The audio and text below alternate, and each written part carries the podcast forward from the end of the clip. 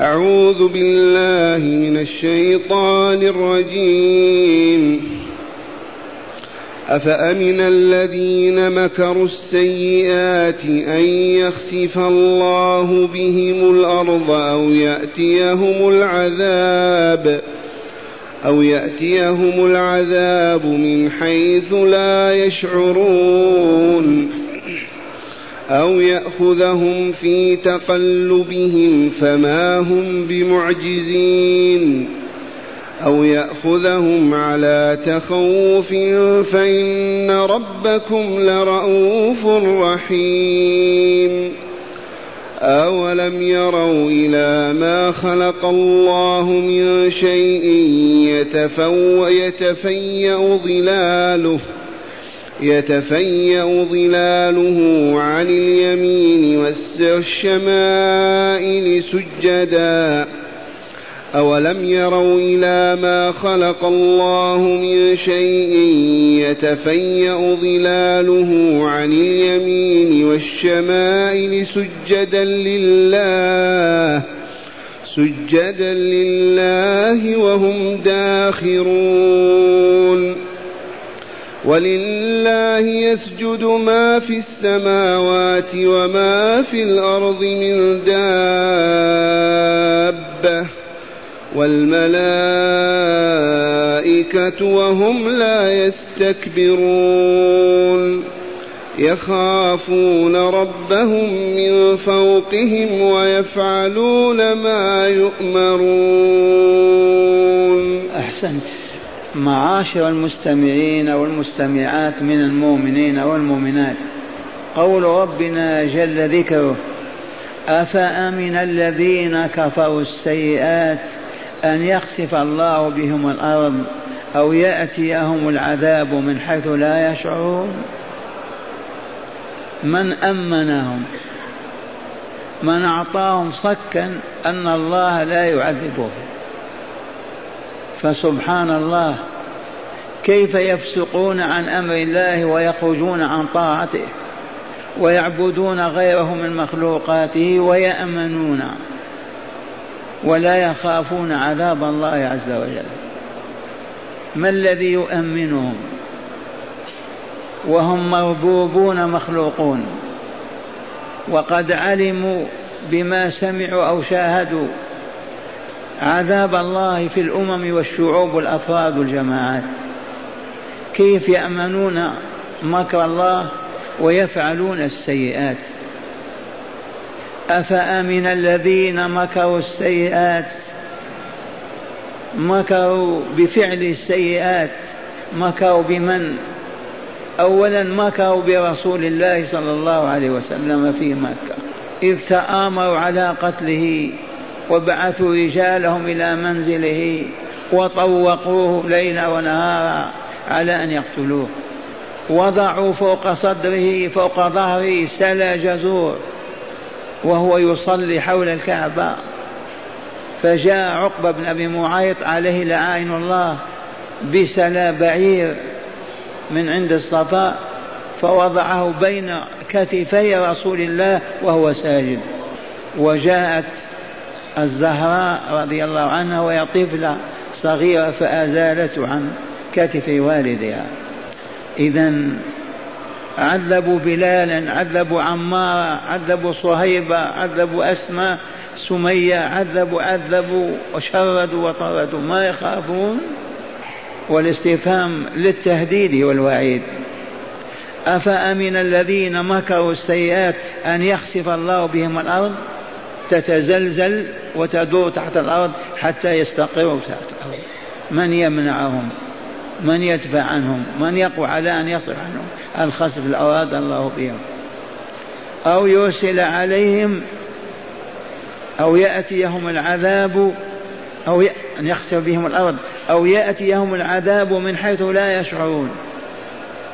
فجأة تنزل صاعقة من السماء. وهم لا يشعرون. فجأة يسلط الله عليهم أمة أقوى منهم تبيدهم وتحطمهم.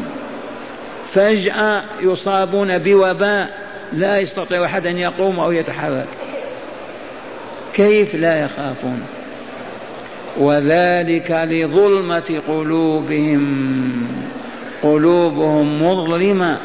ما دخلها نور الإيمان بالله ولقائه وبكتابه ورسوله. فهم أموات غير أحياء كالبهائم شر من البهائم.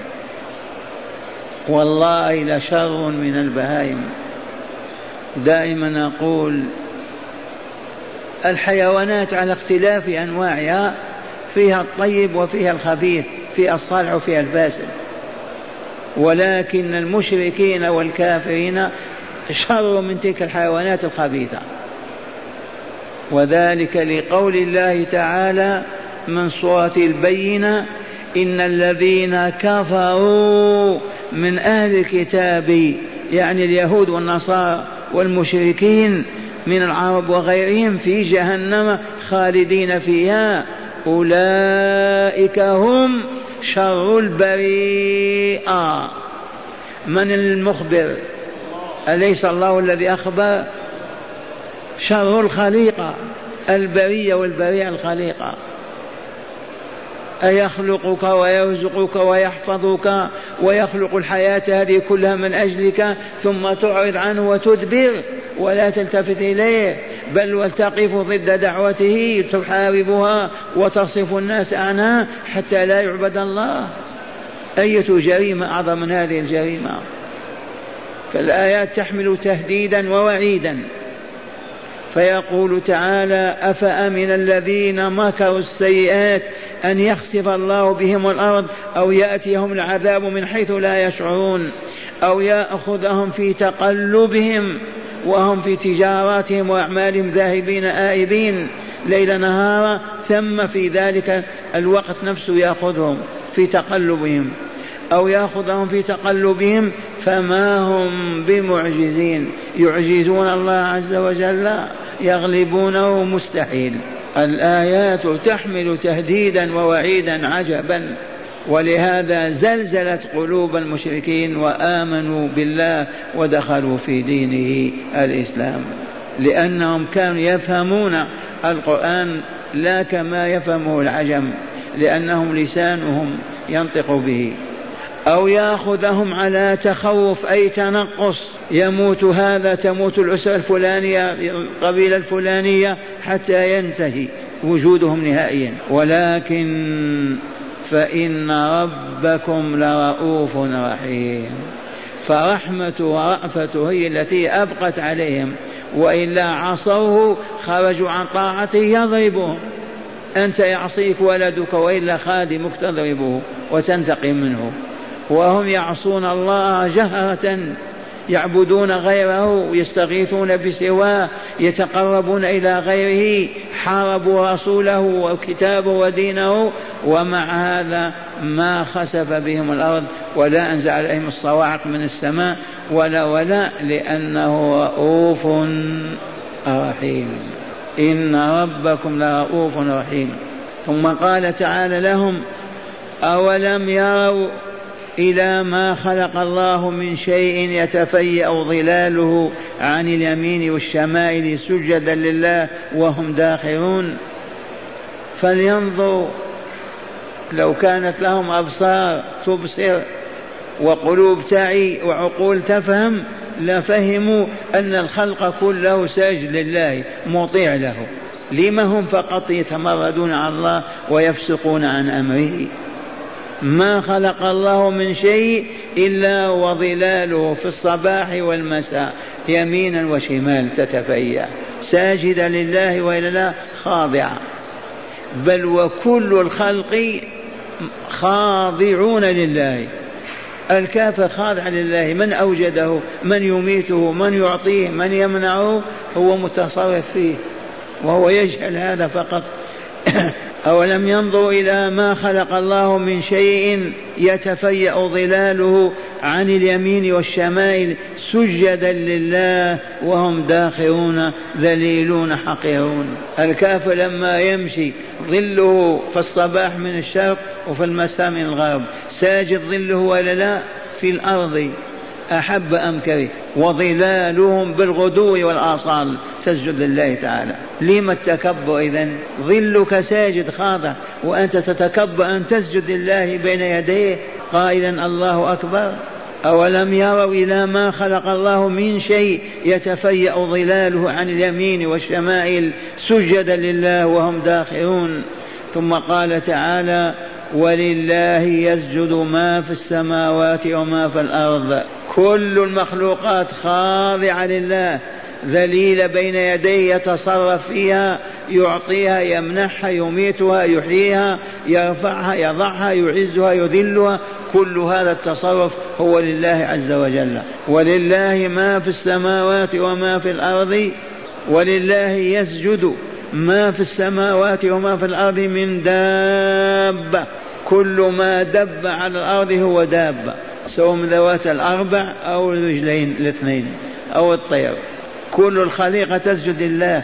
والملائكة الأطهار الأصفياء الذين في الأرض يسجدون والذين في السماء يسجدون لله عز وجل وهم لا يستكبرون. الملائكة لا يستكبرون ابدا. جبريل على عظمته خير ساجدا بين يدي الله. جبريل له ستمائة جناح. جبريل سد الأفق بكامله. جبريل قلب مدينة سدوم وعمورة جعل عاليها سافلها ويسجدون لله. وأنت أيها المسكين تتكبر تأبى أن تدخل في الإسلام حتى لا تركع ولا تسجد. تكبرا رفضوا الإسلام حتى ما يركع ولا يسجد يخافون ربهم من فوقهم الملائكة. ماذا تعرفون عن الملائكة؟ وكم من ملك في السماوات لا تغني شفاعتهم شيئا إلا من بعد أن يأذن الله لمن يشاء ويرضى. في جلسة كهذه في الروضة اهتزت الأرض تحت الجالسين. فسألوا الرسول فقال هذا هذا الذي سمعتم حجر ألقي من حفير جهنم من كذا سنة إلى الآن وقع أربعين سنة.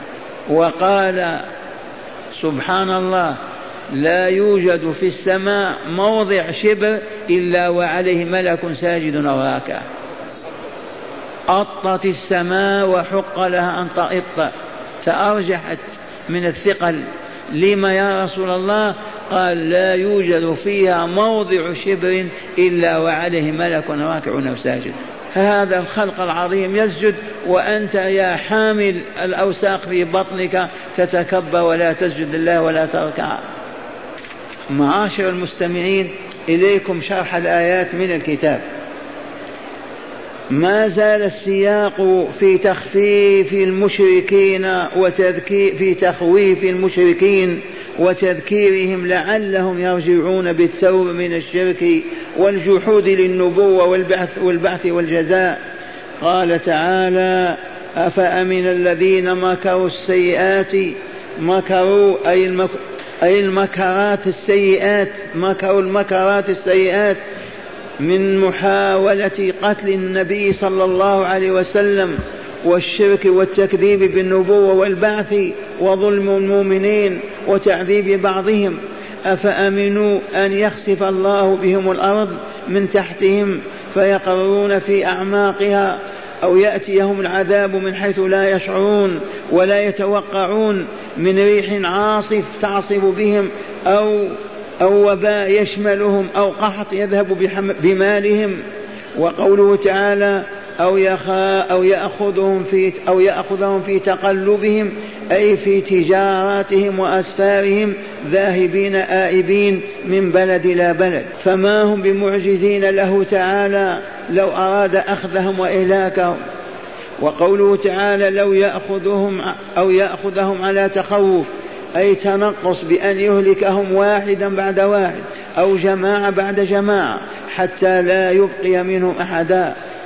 وقد أخذ منهم في بدر من أخذ وفي أحد من أخذ. وقوله تعالى فإن ربكم لرؤوف رحيم تذكير لهم برأفته ورحمته إذ لولاهما لأنزل بهم نقمته وأذاقهم عذابه. بدون إنظار لتوبة أو إمهال لرجوع إلى الحق.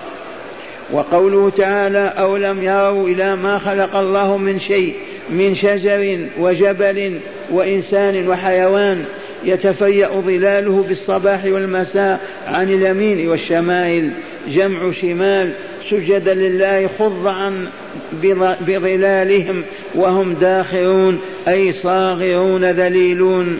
أما يكفيهم ذلك دلالة على خضوعهم لله وذلتهم بين يديه فيؤمنوا به ويعبدونه ويوحدوه فينجو من عذابه ويفوز برحمته. وقوله تعالى ولله يسجد ما في السماوات وما في الأرض من دابة. أي ولله لا لغيره يسجد بمعنى يخضع وينقاد لما يريده الله تعالى من إحياء أو إماتة أو صحة أو مرض أو خير أو غيره من داب أي من كل ما يدب من كائن على هذه الأرض. والملائكة على شرفهم يسجدون وهم لا يستكبرون عن عبادة ربهم ويخافون ربهم من فوقهم إذ هو العلي الأعلى وكل الخلق تحته. ويفعلون ما يؤمرون فلا يعصون ربهم ما أمرهم. إذا كان هذا حال الملائكة فما بال هؤلاء المشركين؟ يلجون في الفساد والاستكبار والجحود والمكابرة وهم أحقر سائر المخلوقات وشر البريات إن بقوا على كفرهم وشركهم والعياذ بالله. هداية الآيات. من هداية الآيات أولا حرمة الأمن من مكر الله. حرمة الأمن من مكر الله. لا يحل لمؤمن أن يعصي الله ويقول أنا آمن من عذاب الله. فالله عز وجل قد يمهلك ولكن لا يهملك. فلا يأمن المؤمن العاقل مكر الله أبدا. إذ الأمن بالمكر حرام ولا يحل. أما قال أفأمن مكر الله يوبخهم ويهددهم. ثانيا كل شيء ساجد لله أي خاضع لما يريده منهم إلا أن السجود الطوعي الاختياري هو الذي يثاب عليه العبد أما الطاعة اللا إرادية فلا ثواب فيها ولا عقاب. قد يقول الكافر أنا ظل يسجد طول النهار إذا نثاب على هذا هذا السجود لا ثواب فيه لأنه ليس بإرادي ولا اختياري ولكنه اضطراري. ثالثا فضل السجود الطوعي الاختياري نعم. ما هناك أفضل من سجدة تسجدها لله. ما هناك عبادة أفضل من عبادة السجود. رابعا مشروعية السجود عند هذه الآية. إذا قرأ القارئ أو المستمع. إذا قرأ القارئ أو المستمع يسجد ويخافون ربهم من فوقهم ويفعلون ما يؤمرون. عليه أن يسجد إن كان متطهرا إلى القبلة إن أمكن. ويسبح في السجود ويكبر في الخفض والرفع ولا يسلم ولا يسجد عند طلوع الشمس ولا عند غروبها. مرة ثانية مشروعية السجود عند تلاوة هذه الآية. والآيات التي فيها السجود. إذا قرأ القارئ أو المستمع الذي يستمع يسجد السامع فقط لا. ويخافون ربهم من فوقهم ويفعلون ما يؤمرون. عليه أن يسجد إن كان متطهرا أي على وضوء. إلى القبلة إن أمكن وإن لم يمكن فإلى غير القبلة. ويسبح في السجود ويكبر في الخفض الله أكبر والرفع الله أكبر ولا يسلم ولا يسجد عند طلوع الشمس ولا عند غروبها كما نحن فيه. معاشر المستمعين أذكركم بذكرى غزوة بدر. في يوم ثمانية في يوم ثمانية من شهر رمضان في السنة الثانية من هجرة الحبيب صلى الله عليه وسلم. يوم ثمانية من شهر رمضان في السنة الثانية من هجرة النبي صلى الله عليه وسلم إلى المدينة إلى الحسنة. ما هي الحسنة؟ المدينة. أما قال تعالى لنبوئن في لنبوئنهم في الدنيا حسنا فما حسنة الدنيا يبوئهم وينزلهم فيها؟ والله إنها المدينة. لنبوئنهم في الدنيا حسنة قالت العلماء قال ابن جرير الطبري المدينة. تسمى طابة تسمى طيبة تسمى المسكينة تسمى حسنة أيضا بنص كتاب الله عز وجل. ثم خرج انتدب لا على سبيل الإلزام. من أراد أن يخرج مع رسول الله فليخرج.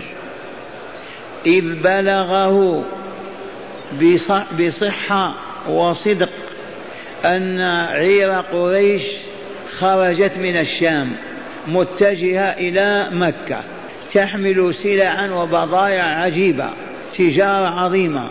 والمؤمنون في المدينة كما تعرفون المهاجرون تركوا أموالهم بمكة وكل ما يملكون وجاءوا بأيديهم.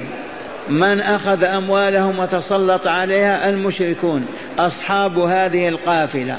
إذا يجوز شرعا أن نأخذ أموالنا من هذه القافلة. وجزاء سيئة سيئة مثلها. ما دامهم طردوه من مكة وأخذوا أموالهم وقد أمكنهم الله من أن يأخذوا مالهم في رحلة كهذه لا بأس. ومن ثم أخبر النبي صلى الله عليه وسلم أصحابه وخرج هو ورجاله. لكن لا على سبيل الإلزام من شاء أن يخرج فليخرج ومن شاء أن يقعد فليقعد. ومن هنا استنبط أن المندوب والمستحب في العبادات صاحبه لا يأثم إن تركه وإن فعله أجير تركه لا إثم عليه. لأنه مندوب فقط. ما هو واجب؟ أما الواجب نعم إذا ما استجاب يعذب ويعاقب. المستحب والمندوب لا. دل عليه أن الرسول قال هيا نخرج من شاء خرج ومن شاء لم يخرج. ما خرجوا إلا ثلاثمائة وأربعة عشر رجلا والمدينة فيها ألوف. فلما خرجوا يوم الثامن مشوا خارج المدينة مسافة بلغهم أن العير نجت. العير التي تحمل السلع والبضائع لقريش في مكة ما أصبحوا قادرين على استقبالها لأنها مضت على ساحل البحر. فخيرهم الرسول.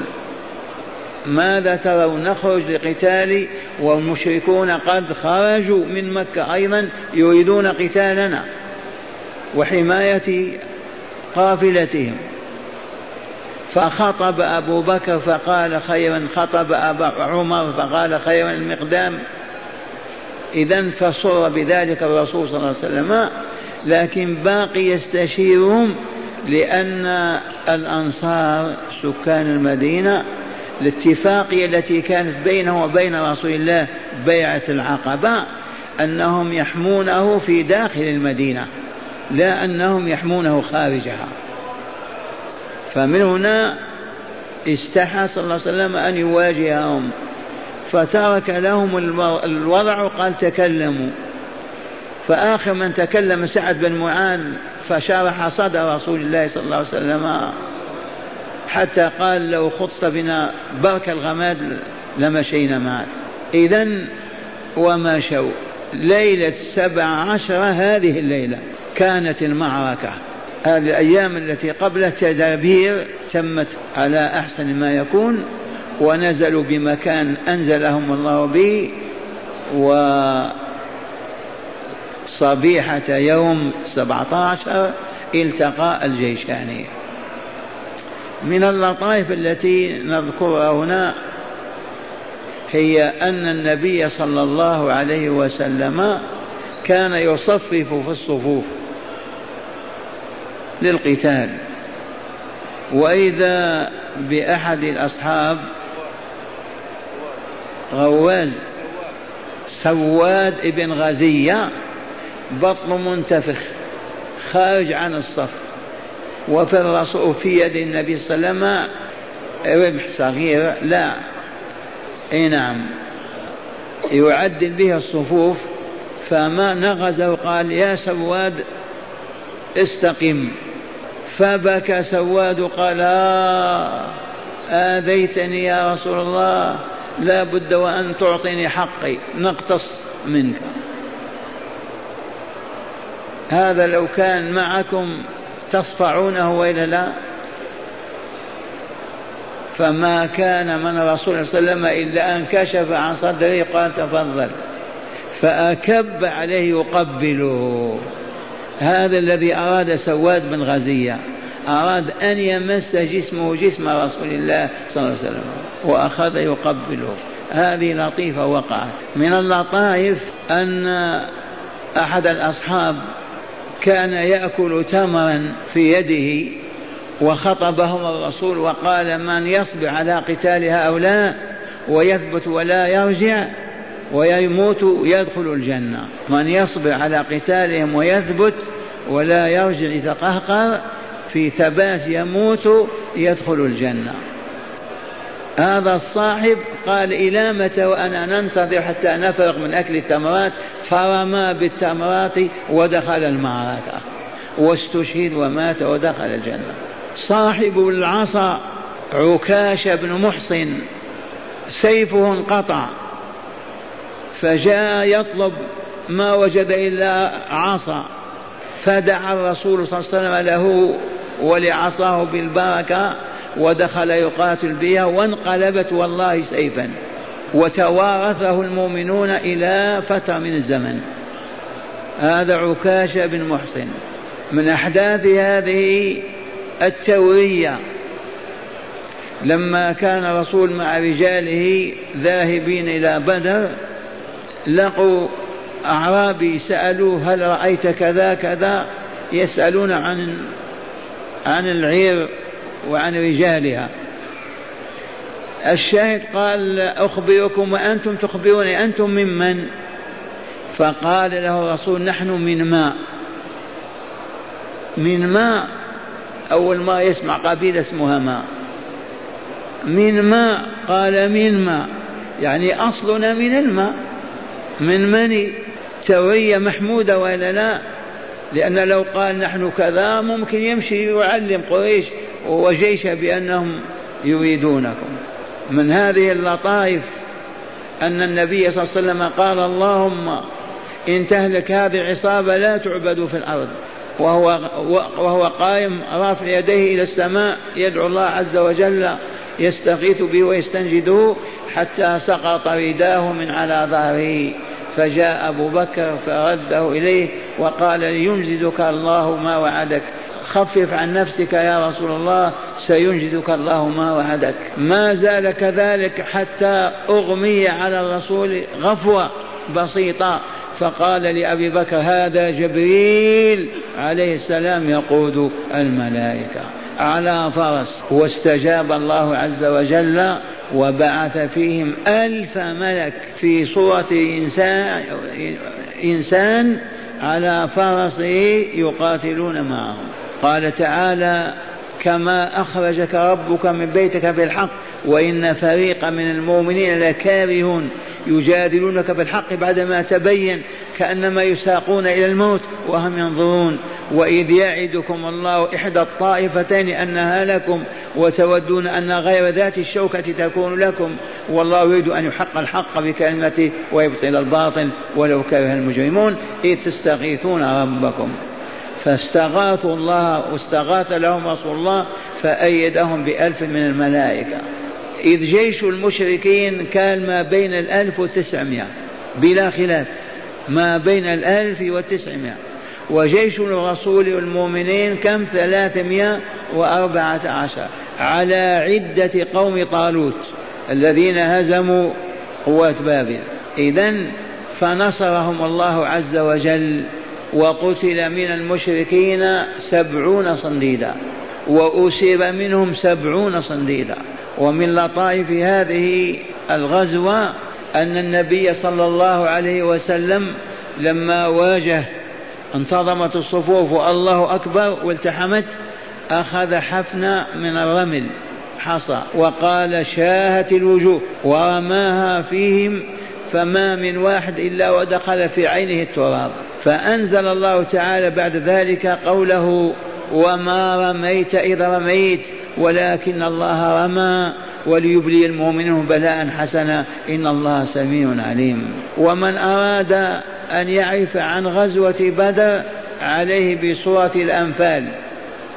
الأنفال التي غنائم كسبوها في معركة بدر. فإن فيها الغزوة مفصلة مبينة من أولها إلى آخرها.